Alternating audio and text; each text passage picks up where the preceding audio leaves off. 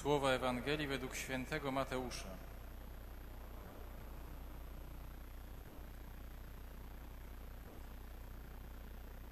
Jezus zaczął wskazywać swoim uczniom na to, że musi udać się do Jerozolimy i wiele wycierpieć od starszych i arcykapłanów oraz od uczonych w piśmie, że będzie zabity i trzeciego dnia z martwych wstanie. A Piotr wziął go na bok i począł mu robić wyrzuty, Panie, niech Cię Bóg broni, nie przyjdzie to na Ciebie. Lecz on odwrócił się i rzekł do Piotra, zejdź mi z oczu, szatanie. Jesteś mi zawadą, bo nie myślisz po Bożemu, lecz po ludzku. Wtedy Jezus rzekł do swoich uczniów, jeśli ktoś chce pójść za mną, niech się zaprze samego siebie, niech weźmie krzyż swój i niech mnie naśladuje. Bo kto chce zachować swoje życie, straci je, a kto straci swe życie z mego powodu, znajdzie je. Cóż bowiem za korzyść odniesie człowiek, choćby cały świat zyskał, a na swej duszy szkodę poniósł? Albo co da człowiek w zamian za swoją duszę? Albowiem Syn Człowieczy przyjdzie w chwale Ojca swego razem z aniołami swoimi i wtedy odda każdemu według jego postępowania. Oto słowo Pańskie.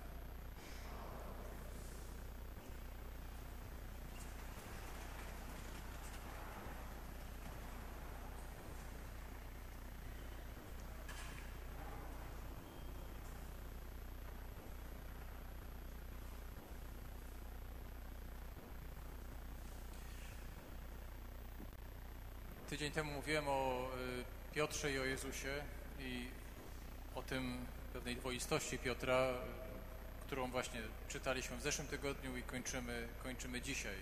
W danym tygodniu to, to, ten dialog, za kogo mnie ludzie uważają, Ty jesteś Mesjaszem, a dzisiaj e, niech Cię tam Bóg broni, że będziesz zabity i, i, i wszystkie te inne rzeczy. Zostawiam to na boku dwa słowa do tej drugiej części dzisiejszej Ewangelii, czyli do tego brania krzyża, czy nie brania krzyża, y, zachowywania życia, tracenia życia. Czyli takich, y, takich słów, które w nas jakoś poruszają taki dosyć głęboki, y, myślę, niepokój. Pierwsza rzecz, którą trzeba, myślę, zawsze powtarzać, to znaczy jest taka, że nikogo nie można namawiać do heroizmu. I nikogo nie można i nikt nie może być namawiany do jakiegokolwiek dawania świadectwa Ewangelii w formie męczeństwa. Oczywiście Ewangelia bardzo to podkreśla, że to jest coś niezwykłego i to jest duża wartość, no ale to nie jest tak, że to, to można podjąć jakoś tak, że nam ktoś powie i, i my w to pójdziemy. Musi być coś bardzo osobistego, bardzo osobista decyzja, która wychodzi z nas. Nie, nie, nie może być tak, że, że jak ja bym powiedział, że, że wszyscy jak tu jesteśmy, to, to musimy być heroiczni. Nie wiem, czy ja sam bym był, nie wiem. Nie, nie potrafię powiedzieć, w jakiej sytuacji bym był, w jakiej bym nie był. Kiedy czytamy o, o różnego rodzaju świętych w Kościele, nie wiem, przychodzi mi do głowy na przykład Joanna Beretta Molla, pewnie znacie, tak, czy ona, ona donosiła swoją ciążę, urodziła dziecko, a sama umarła. Albo, nie wiem, Pier Giorgio Frassati zaraził się Heine Medina, bo pomagał ludziom z ulicy i zmarł w efekcie. Znaczy, jak czytamy takie historie, to to jest przykład tego, że tak można i kropka.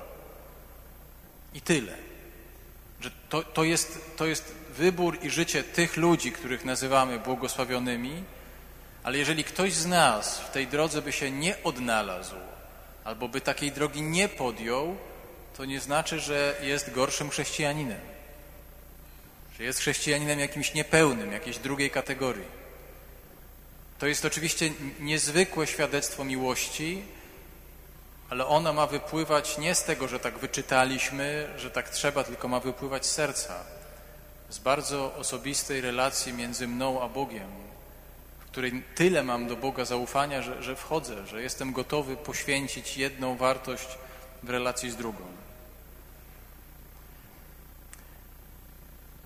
Tak sobie też myślę w samie, że, że, że wiecie, to, to tracenie życia, ono ma, ono, ono ma bardzo szeroką definicję. To nie jest wcale tak powiedziane, nie jestem tak bardzo przekonany do tego, że, że tracić życie to jest fi, finałem tego, to, to zawsze musi być element właśnie zakończony śmiercią kogoś. Bo ci z was, którzy mają dzieci albo wychowywali dzieci, jestem przekonany, że wychowywanie dzieci to jest tracenie życia.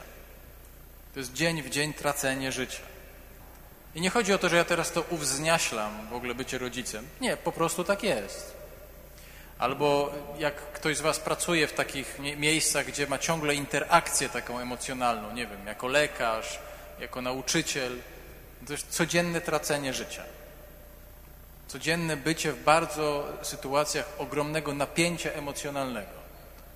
No i, i to też jest tracenie życia. Nie tylko to, że ktoś umrze, i, i to wtedy mamy go za, za, za jakiegoś niezwykłego świadka. Myślę też sobie, że, że jest jakaś taka niedobra też tendencja w Kościele i ona, ona krąży, krąży też pewnie gdzieś między nami, yy, takiego mówienia ludziom, że gdzie oni mają mieć swój krzyż, albo co powinno iść być krzyżem, albo w którym miejscu właśnie ich życie to jest taki, tak odzwierciedla Ewangelię. I to takie mówienie właśnie z siłą autorytetu, niestety my jako księża mamy do tego też tendencję. I nieraz słyszałem takich księży, którzy, którzy mówili takie rzeczy na przykład jak to, że jak jacyś rodzice nie mogą mieć dziecka, no to to jest ich krzyżem. E, albo, że ktoś jest sam w życiu, no to to jest jego krzyżem. Może jest. Może tak jest. Ale mówienie komuś tego w taki sposób, jest okrucieństwem. Jest znęcaniem się nad cudzym cierpieniem i dokładaniem do tego cierpienia kolejnego. To jeżeli ktoś odkryje taką drogę, to odkryje ją tylko i wyłącznie w relacji z Panem Jezusem. Tylko i wyłącznie bardzo osobiście i intymnie. Nie tak, że ktoś mu powie, że to jest Twoja droga i to będzie Twój krzyż i tu właśnie, tu właśnie naśladujesz Pana Jezusa. Wcale tak nie jest. Myślę, że, że to, co Pan Jezus mówi y, w tym traceniu życia, to y, próbuje pokazać nam taką perspektywę takich wartości jak bezinteresowność, jak odwaga, jak y, rezygnacja, jak poświęcenie. Czyli taki moment, w którym my potrafimy przekroczyć pewne dobro moralne, mimo że ono nam się należy Dobry przykład to jest ta przypowieść o miłosiernym Samarytaninie. Nie? Doskonale ją, ją znam. Ona ma, ona ma, wiadomo, jednego bohatera, tego, którego powtarzamy, ale ma też tych bohaterów wcześniejszych, tego tam kapłana i lewitę, czyli po naszemu księdza i ministranta, nie? którzy szli do kościoła. I, i, I, to my ich trochę traktujemy tak, że, że to, to są negatywne postacie tej historii, ale to mogli być bardzo prawi ludzie, bardzo wewnętrznie ułożeni i ta właśnie ta prawość nie pozwalała im pomóc. Bo jakby pomogli, ponieważ takie były zasady, to by zostali wykluczeni z tamtej społeczności i nie mogliby uczestniczyć w liturgii po naszemu mszy świętej. Ich prawość, e, ten, ten moment, kiedy przekraczamy pewne dobro moralne, właśnie widząc i ważąc w sobie. To jest trochę tak jak doskonale znacie tą, ten kawałek perfektu autobiografię, jak Markowski śpiewa, tam jest taki jeden moment, zawsze bardzo go lubię, on jest bardzo ewangeliczny. Jak on mówi, w wyrku na wznak przechlapałem swój czas, najlepszy czas. Dla mnie to jest właśnie opowieść o tym, że mogłem poświęcić swoje życie albo dać komuś swoje życie i tego nie zrobiłem i tego żałuję. I że, i, że po czasie tego żałuję, że, że, że, że ten brak tego poświęcenia i tej, tej, tej właśnie przekroczenia czegoś w sobie spowodował, że no wszystko jest piękne, a jednak nie ma smaku. Że, że, że wszystko jest jakby fantastyczne, że wszystkie rzeczy mam, w ogóle dużo rzeczy osiągnąłem i jednak jakoś jestem takim nie do końca takim człowiekiem, jakbym chciał. To jest, to jest to, tu, tu jest ten moment tego, że, że właśnie wyrzekania się siebie. Każdy, kto tam się wyrzeknie siebie, czy każdy, kto się zaprze siebie, to, to, to, to jest ten moment.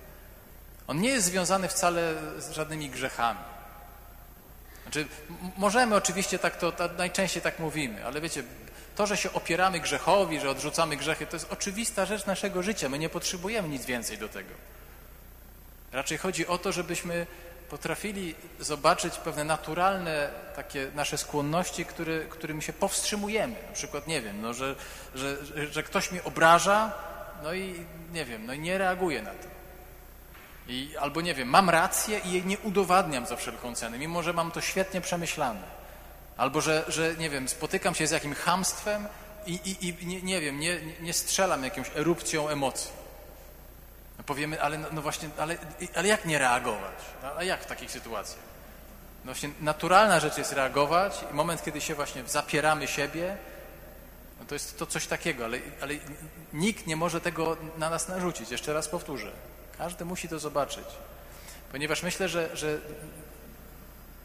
najbardziej podstawową rzeczą w tym właśnie zapieraniu się siebie, w tym wyrzekaniu się siebie, to jest, to jest znajomość właśnie tego, kim jestem jest podstawowa rzecz, żeby zrozumieć, kim ja jestem. To mnie dopiero popycha do takich decyzji. I myślę sobie, i to jest druga rzecz związana z tym wyrzekaniem, my najczęściej jesteśmy stawiani w sytuacji wcale nie wyboru między dobrem a złem. No to jest takie podręcznikowe i takie, bym powiedział, takie kaznodziejskie, że mamy z jednej strony takie wyraźne dobro i takie tutaj wyraźne zło, no to wiadomo, wszyscy idziemy za dobrem. Większość z nas, jeżeli nie wszyscy, codziennie jesteśmy stawiani między wyborem dobra a dobra, między wyborem różnych dóbr. I my musimy to ważyć, gdzie tu jest miłość większa. Dostajemy propozycję awansu.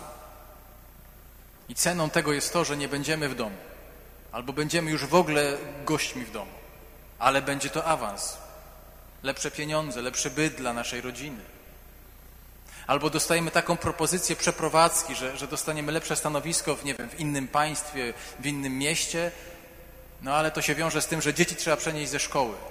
Tu mają kolegów, tu mają życie, przeniesiemy ich gdzieś za granicę albo przeniesiemy ich w inną część Polski. Wszędzie jest dobro. Każda część tych równań to jest dobro.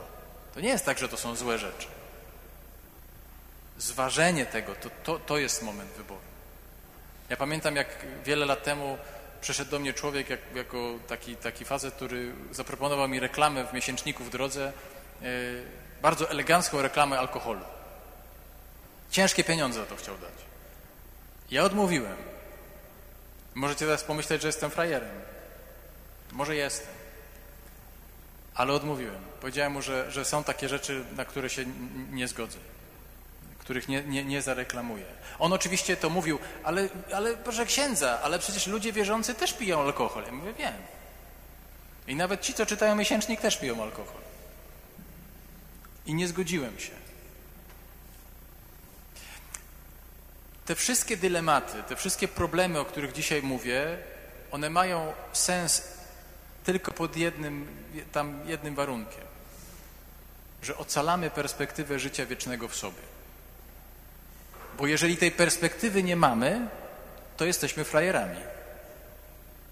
A jeżeli jednak ją mamy, to znaczy, że te wszystkie nasze decyzje tu i teraz mają sens w wieczności i w przyszłości. To o to chodzi. Bo jeżeli tego nie ma, to naprawdę bierzmy jak leci wszystko. I żyjmy naprawdę do bólu, bez, żadnych, bez żadnego zastanawiania się bez żadnych dylematów. Tu, tu o to chodzi. Tylko pod tym względem to ma sens. I zastanawianie się i zadawanie sobie tych pytań, że jest jakaś przyszłość, a nie, że, że tylko tu i teraz się liczy. Więc tak, jeżeli kiedyś zastanawialiście się, po co nam w ogóle myślenie o życiu wiecznym, to po to, żeby dobrze przeżywać teraźniejszość. Żeby sensownie, jako prawdziwi ludzie, przeżywać teraźniejszość.